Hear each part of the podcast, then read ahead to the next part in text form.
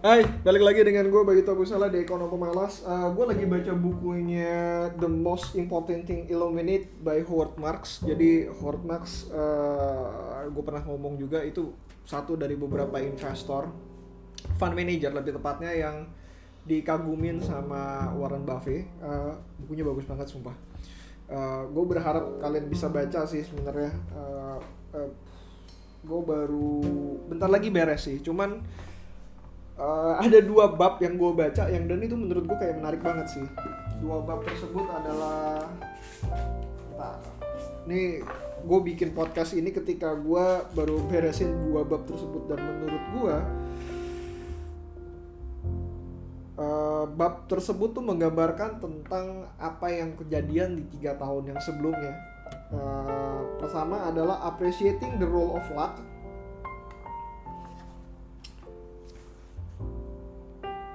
dan satu lagi adalah investing defensively.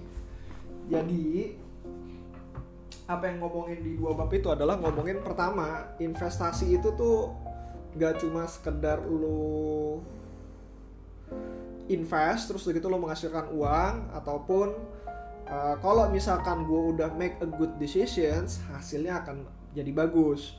Enggak seperti itu. There is a role of luck dan di beberapa tahun awal gue berinvestasi, role of luck itu lebih banyak berpengaruh, uh, berpengaruh lah gitu.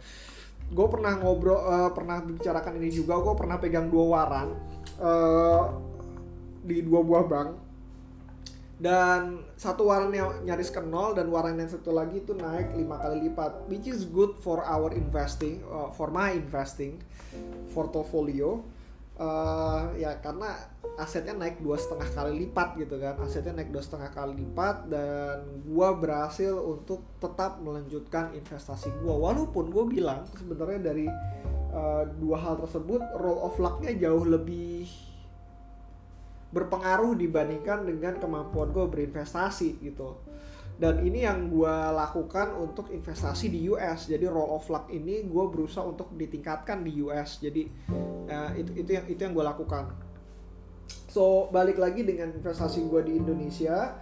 Dan uh, tiga tahun terakhir gue ngelihat bahwa dari tiga dari dari tiga investment bet uh, gue ngomongnya sebagai investment bet gue uh, portofolio gue yang masih uh, besar dua portofolio gue masih yang cukup besar itu yang masih ada sampai saat ini itu tuh sebenarnya uh, satu itu bener-bener gue mainan roll of luck. Dalam konteks bahwa uh, gue betting bahwa perusahaan ini akan membaik pada tahun-tahun setelahnya. Gue gue bilang perusahaan ini gak jelek juga gitu. Gue bilang perusahaan ini bagus tapi gue ngerasa dia bakalan uh, eh, gue ngeliat udah ada bottomnya dan ini pasti akan uh, akan naik gitu. Usahanya akan berjalan lebih lancar dibanding sebelumnya. Sedangkan investasi gue yang kedua investasi yang sebelumnya yaitu Beton Jaya Manunggal dengan satu perusahaan constructions uh, itu tuh bener-bener kayak masuk ke bab berikutnya adalah investing defensively. Jadi gue bener-bener mencari perusahaan yang menurut gue low risk dan uh, keuntungannya di antara semua yang loris itu yang paling besar. Jadi gue masuk ke dalamnya dan uh, harusnya untung, tapi kenyataannya sekarang dalam kondisi merugi. Uh, poor decision yang gue keluarkan itu adalah ketika gue sedang memegang usahanya. Jadi gue tidak ambil keputusan yang benar ketika uh, momen di mana uh, uh, ruang untuk mengambil keuntungan itu hadir gitu. Ruang mengambil keuntungan itu hadir. Dan gue tidak mengambil keputusan yang benar di dalamnya. Tapi balik lagi keputusan gue mengambil investasi tersebut sebenarnya adalah benar. Kenapa dua bab ini gue bilang penting? Karena uh, gue ngerasa setelah gue baca dua bab ini gue sempat rencananya mau mengganti uh, metode gue berinvestasi karena menurut gue metode gue berinvestasi itu terlalu rumit. Uh, setelah gue membaca dua bab ini, gue ngerasa metode investasi yang gue terapkan itu sebenarnya sudah cukup konservatif dan itu buat buat gue udah cukup nyaman. Jadi uh, dalam konteks ini adalah uh, gue bisa dibilang kalau misalkan gua sendiri ini sudah apa ya menurut gue ini adalah sebuah hal yang cukup simpel untuk gue jalanin gitu. Benar-benar simpel untuk gue jalanin dan gue merasa bahwa dengan metode gue sendiri itu gue bakal terhindar dari banyak hal yang lebih buruk lagi gitu. Nah uh, mesti assess lagi dengan apa yang terjadi dengan investasi gue seandainya gue mengambil keputusan yang lebih buruk dibanding apa yang gue lakukan sekarang. Dan ternyata waktu pas gue ngeliat seandainya gue mengambil keputusan yang lebih buruk which is gue bayar harga lebih mahal lagi itu kerugiannya akan jauh lebih besar dibanding sekarang. So gue ngerasa bahwa keputusan gue dalam berinvestasi dengan impact yang sekarang walaupun gue nggak ngambil keputusan dengan benar untuk keluar dari investasi tersebut adalah sebuah keputusan yang menurut gue secara kalkulasi sudah benar. Sekarang problemnya adalah dengan portofolio yang keadaan sekarang, portofolio yang ada saat ini, apakah gue harus keluar dari investasi tersebut? Apakah gue harus pindah dari investasi tersebut? Apakah ada investasi yang lebih baik dari investasi yang sekarang? Nah uh, keputusan inilah yang sebenarnya harus gue ambil pada momen saat ini karena uh, momen the best conditions sudah sudah hilang kecuali gue mau appreciate roll of lucknya. Roll of lucknya di mana tiba-tiba uh, ada uang dana asing masuk dan gue keluar gitu aja gitu. Uh, which is menurut gue highly unlikely gitu. Mungkin gak akan kejadian dalam waktu yang dekat. Ya kalau kejadian dalam waktu dekat ya gue pasti akan keluar juga. Dan gue masih belum tahu investasi apa yang bakalan gue masukkan ke dalam sekarang. Uh, sementara dilihat dari sisi lain perusahaan ini kalau misalkan gue menggunakan model valuasi yang sama ini gak terlalu menarik. Jujur aja bener-bener gak terlalu menarik gue untuk masuk ke dalam perusahaan ini pada saat sekarang. Tapi gue ngerasa bahwa uh, ya gue mau nunggu lah ada apresiasi sedikit gue mau keluar secara besar-besaran boom gitu. Lalu baru gue pindahin ke portofolio lain di mana gue belum tahu portofolio tersebut apa. Nah uh, apa pembelajaran dari dua bab tersebut sebenarnya adalah gue mau ngomong uh, investing defensively itu mengatakan bahwa lu nggak uh, lu emang masih appreciate roll of luck cuman lu menghilangkan roll of luck tersebut. Jadi lu jangan ngomongin dengan oh gue masuk ke perusahaan dengan PI 1 uh, PI 1 lalu gue uh, akan berharap perusahaan itu jadi PI 20 gitu. Uh, let's say kayak gitu. Lu nggak appreciate seperti itu tapi lu punya series of the way of thinking di mana lu bisa reliable terhadap hal tersebut Kenapa? Karena di buku itu di buku ini sebenarnya yang paling menarik adalah sebuah cerita bahwa uh, ketika si Mark Howard kuliah di Wharton, dia bilang keputusan yang baik itu tidak bisa dinilai dari resultnya. Jadi uh, ada sebuah cerita mengatakan bahwa ketika lu bikin ski, ski ski resort di Miami, which is Miami itu di Florida dan tempatnya kan panas banget gitu kan. Tempatnya panas dan itu banyak banget dengan pantai. Itu adalah sebuah keputusan yang buruk. Tapi kan who knows tiba-tiba dalam waktu tiga bulan kemudian ada hujan badai salju dan akhirnya dia jadi tempat ski resort paling rame. Ya karena balik lagi Florida yang panas tiba-tiba ada tempat ski yang dingin cukup dekat di situ dan uh, tempat itu pack dan em booming gitu nah itu lo benar-benar masukkan uh, kategori roll of luck ke dalam hal tersebut. Ketika keputusan itu dibuat itu adalah keputusan yang buruk gitu. Keputusan yang buruk. Tapi karena uh, uh, ada sesuatu yang changing yang tiba-tiba lo sendiri nggak tahu uh, ya siapa sih yang bisa nebak bakalan ada hujan badai di Florida gitu uh, yang menyebabkan dia jadi ski resort kan itu kan highly unlikely gitu highly unlikely dan uh, dan lo lo benar-benar gambling terhadap hal tersebut.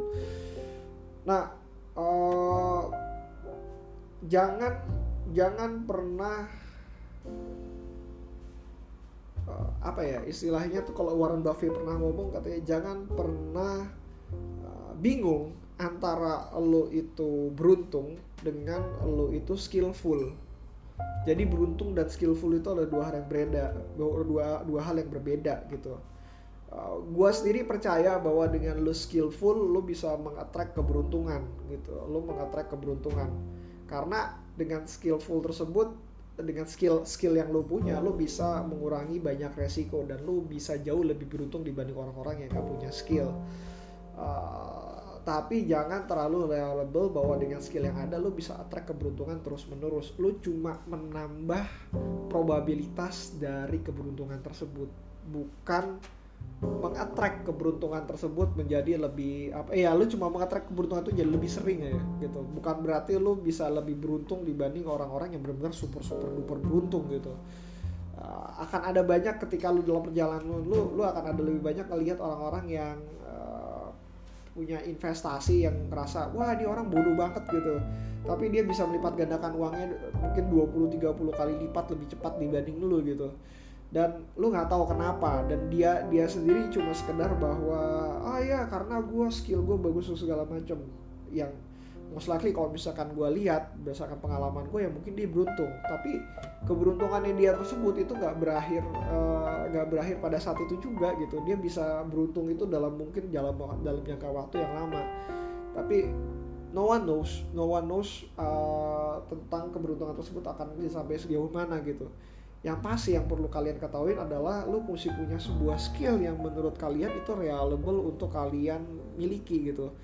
Reliable buat gua sendiri adalah dengan keputusan eh, dengan dengan framework yang gue punya menurut gua itu sudah termasuk reliable. Tinggal gue sekarang adalah memantapkan dengan keputusan bagaimana cara gue menjualnya. Dan gue gak harus rely on luck itu sendiri gitu Eh, dalam konteks gue waktu pas gue punya perusahaan ini dalam PI 3 gue beranggapan bahwa ah ya udahlah ngapain? PI nya mungkin bisa sampai 5 let's say kayak 15 21 lah karena ini perusahaannya bagus banget gitu. That's how I invest rely on luck gitu. Gue punya skill mengatakan bahwa perusahaan ini cukup murah dan cukup sehat dan segala macam tapi ketika dalam waktu menjualnya gue rely on luck di mana itu bisa sampai 12 15 padahal padahal pada saat tersebut uh, eh, gue bisa menjual dalam uh, konteksnya itu DPI kurang lebih singkat gue ya itu sekitar 8 apa 9 gitu. Which is already double the money already double the money. Dan uh, ketika DPI dan 8 itu tiba tiba-tiba harganya turun 15% dari titik tertinggi dan harusnya gue melakukan penjualan pada saat itu juga. Gue tidak melakukan hal tersebut dan akhirnya it's slip away it's fucking slip away it sucks. It sucks. Uh, jadi pembelajaran gue akhirnya gue pisah menjadi dua hal sekarang. Bahwa pengambilan keputusan pada saat waktu tersebut gue anggap adalah sebuah kebenaran. Dua dari tiga keputusan yang gue lakukan adalah sebuah hal yang benar. Tapi tiga dari tiga hal tersebut untuk melakukan penjualan pada saat hal terse uh, momen tersebut hadir itu adalah sebuah kesalahan that's it. Uh, itu aja sih yang pengen gue obrolin karena gue juga baru baca bukunya juga situ. Uh, oh iya, yeah, sorry sorry sorry sorry. Gue gue perpanjang sedikit karena uh, di buku tersebut ngomongin kita udah ngomongin soal luck dan segala macam. Investing defensively itu adalah mengenai uh, sebenarnya pola pikir yang gue pegang sampai saat ini sih intinya adalah lu mengurangi resiko. Lu nggak bisa attract dua hal bahwa lu pengen dapat keuntungan yang maksimum tapi lu sendiri pengen uh, avoid the loss. Jadi cuma ada dua hal di dunia ini yang sebenarnya lu cuma bisa jadi dua uh, sebuah pilihan. Lu lebih mau avoid the loss atau lu mau cari keuntungan? Kalau lu cari keuntungan strateginya berbeda uh, keuntungan yang besar ya strateginya berbeda dibanding avoid the loss. Investasi yang gue saat ini gue lakukan adalah avoiding loss uh, menghindari kerugian sehingga gue bisa masukin sejumlah lebih banyak uang gue dalam satu tempat yang tertentu karena gue tahu perusahaan tersebut akan uh, mengurangi resiko gue mengalami kekalahan Uh, sedangkan ketika lo mengincar ke sebuah keberuntungan seperti apa yang gue lakukan di investasi gue portofolio kecil gue yang di Indonesia maupun yang di US itu uh, dengan cara diversifikasi. Why? Karena diversifikasi itu benar-benar menurunkan resiko dari ketidaktahuan gue. Gue tahu ada beberapa hal yang uh, eh, gue sendiri nggak paham bagaimana perusahaan itu uh, bekerja gitu. Contoh sebuah perusahaan IPO tahun Januari kemarin uh, bergerak di bidang perikanan. Silakan cari sendiri. Gue udah masuk ke dalam perusahaan-perusahaan tersebut. Gue ngerasa dengan PI mereka itu cukup murah dan gue paham dengan bisnisnya tersebut tapi yang jadi masalah adalah they are betting excessively on debt. Di mana gue udah ngeliat banyak banget perusahaan yang betting on excessively on debt itu benar-benar bakalan menjadi uh, hilang gitu.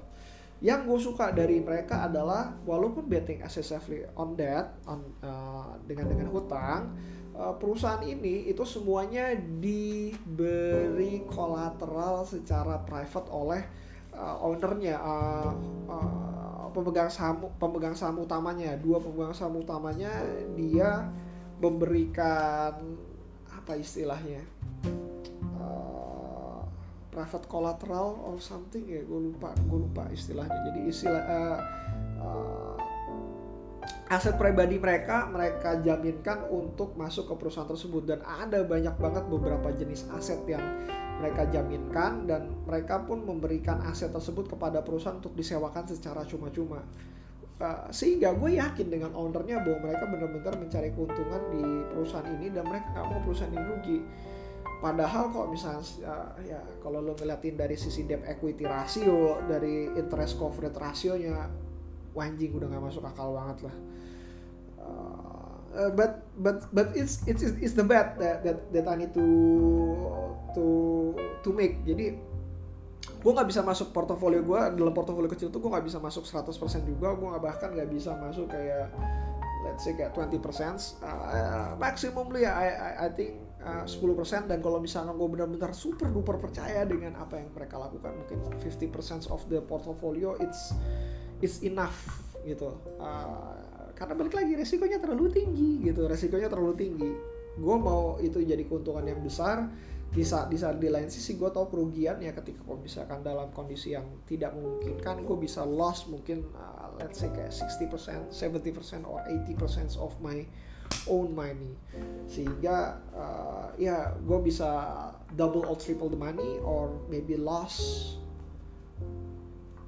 probably all of the money itself so itu yang itu yang mesti gue lakukan uh, itu yang dilakukan oleh portofolio yang betting on the profit.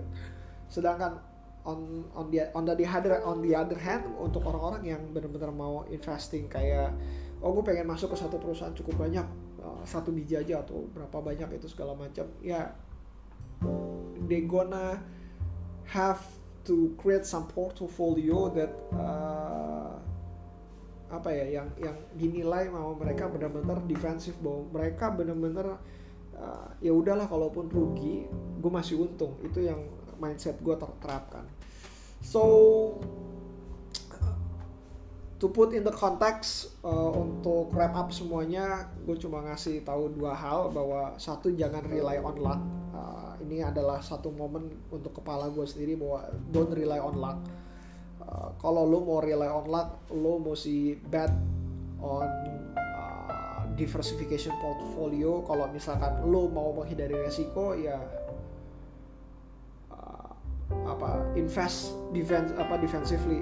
In the end uh, oh, apa dalam bentuk valuasi itu sebenarnya mengendalikan resiko. Mengendalikan resiko itu core-nya udah pasti ada di tangan lu gitu. Core-nya udah pasti di tangan lu. Sedangkan untuk mengambil keuntungan itu uh, udah menjadi externality dari lu sendiri. Jadi dari apa istilahnya sih externality internality. Jadi yang bisa lu bisa lu kendalikan dan nggak bisa lu kendalikan. Gain luck itu adalah sesuatu yang nggak bisa gue kendalikan. Jadi pada akhirnya adalah gue mesti benar-benar pegang terhadap manajemen resiko dari portofolio tersebut. Uh, Oke, okay, sekian dari gue. Sorry banget tadi dipotong di tengah jalan. Uh, see you again next time. Kalau ada pertanyaan, masuk ke Instagram gue, DM aja. Gue seneng banget dengan orang yang DM. Atau misalkan bisa bisa di inilah uh, apa sih namanya? Uh, bisa email gue juga. Uh, thanks for listening. Bye.